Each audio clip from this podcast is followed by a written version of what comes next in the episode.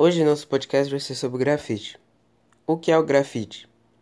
A arte do grafite é uma forma de manifestação artística em espaços públicos. A definição mais popular diz que o grafite é, tipo, é um tipo de inscrição feita em paredes. Existem relatos e vestígios dessa arte desde o Império Romano. De onde surgiu o grafite?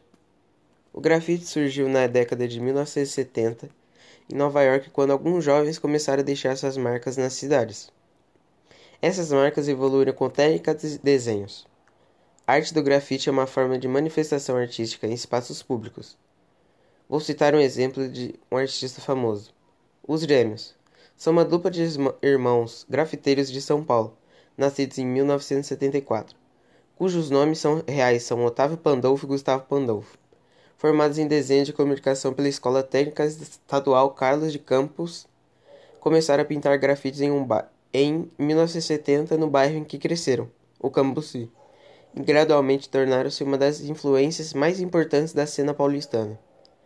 Conclusão: o grafite é uma arte se usada na forma correta, mas se usado na forma errada, como sujar propriedades alheias e propriedades públicas, já vira um crime.